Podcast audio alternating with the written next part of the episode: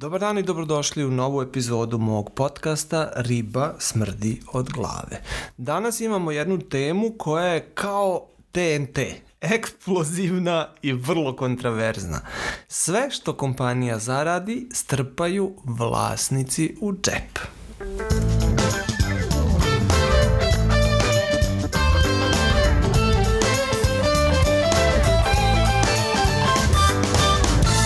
Dobar dan i dobrodošli. Moje ime je Darko Pavić i ja sam jedan od tih vlasnika kompanije koji čitav profit i sve što kompanija zaradi strpaju u svoj džep baš nam je to danas tema i ekstra se radujem ovoj temi zato što volim da budem iskren, volim da budem kontraverzan i volim da raščistim e, predrasude i razno razne tračeve, razmišljanja i tako dalje sa jednom jednostavnom, ali i pravom istinom.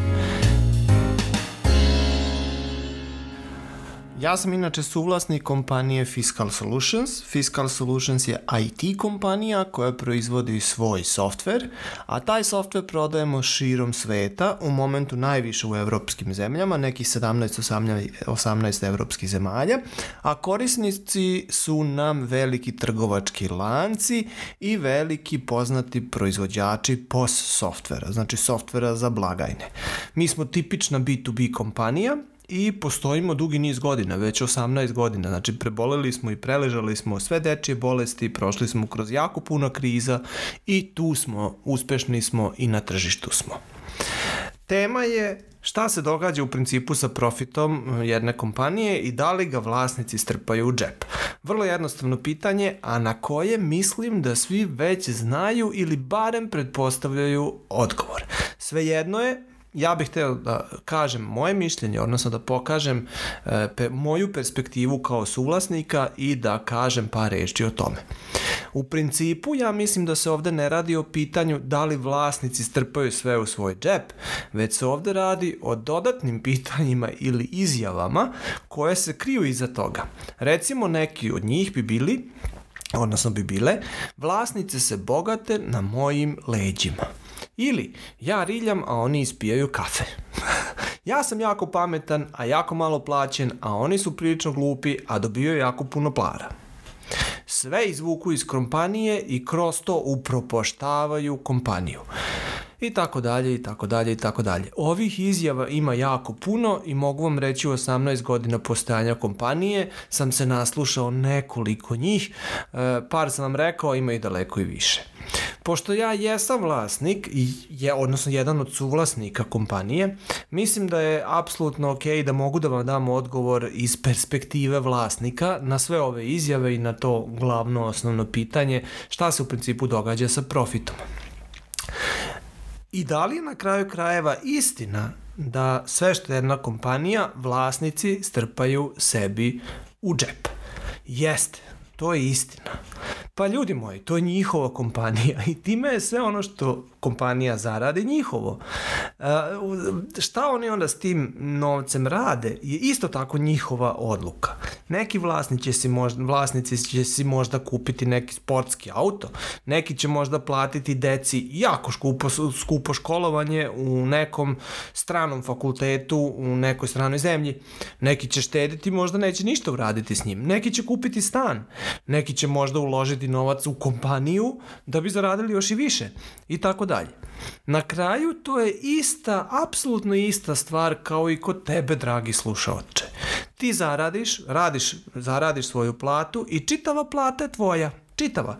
I ti sam odlučuješ, apsolutno sam, šta ćeš s njom uraditi. Druga izjava se tiče teme šta vlasnik u principu uradi sa novcem kad ga strpa u, u, u svoj džep. Pa i to je njegova stvar, kao što je i tvoja stvar šta ti uradiš sa platom. Ako hoćeš da spališ sve što si zaradio, spali, to je tvoje pravo, tvoj novac. Niko nema pravo u principu da osuđuje šta neko drugi radi sa svojim zarađenim novcem. Naravno, sve ukoliko je to u okvirima moralnog, onog što je moralni, moralno ispravno i onoga što je pravno e, ispravno u društvu u kojem živimo. Treća izjava se odnosi na usporedbu sebe i vlasnika neke kompanije, što se može proširiti i na odnos, odnosno usporedbu sebe i menadžmenta. Uh, ok, u smislu ono, usporedba u smislu ko više radi, ko je pametniji, ko je bolji menadžer i slično. Budimo realni, u momentu je situacija takva da je neko radnik, a neko vlasnik. Ok, mi živimo u slobodnom društvu. Ako i ti želiš, dragi slušaoce, slušaoče, da budeš vlasnik, budi. Osnuj svoju kompaniju, preuzmi rizik, kreni da radiš, pa ćeš i ti biti vlasnik. Pokušaj da i ti ništa ne radiš i da se bogatiš na grbači drugih naravno pod navodnicima. Vrlo brzo će čovek uvideti koji pokrene svoj biznis E, ko u principu najviše radi u kompaniji, koliko vremena mu treba i truda za neke stvari, ko, kad se dolazi do toga da, da postaneš, odnosno da dođeš do nekog tima koji za tebe radi i na kraju u jednom momentu ćeš ishvatiti da nemaš tim koji radi za tebe, nego imaš tim koji radi sa tobom. Na drugoj strani ćeš isto tako vrlo brzo spoznati koja je cena svega toga. I na kraju moraš sam doneti odluku da li je ta cena koju moraš da platiš za to a, tebi dovoljno vredna ili ne. Zadnja tema o kojoj smo na početku pričali je da vlasnik iz kompanije sve izvlači i, i time uništava kompaniju. Pa na ovo je jako jednostavno odgovoriti. Ja mislim da niko na ovom svetu ne može da živi u zabludi, da će neko uništiti koku koja mu donosi zlatna jaja. Pa tako ni jedan vlasnik bilo koje kompanije na ovom svetu neće uništavati kompaniju koja je uspešna. Zašto bi? Ona mu donosi novac koji može da stavi sebi u džep i može da radi s njim šta hoće.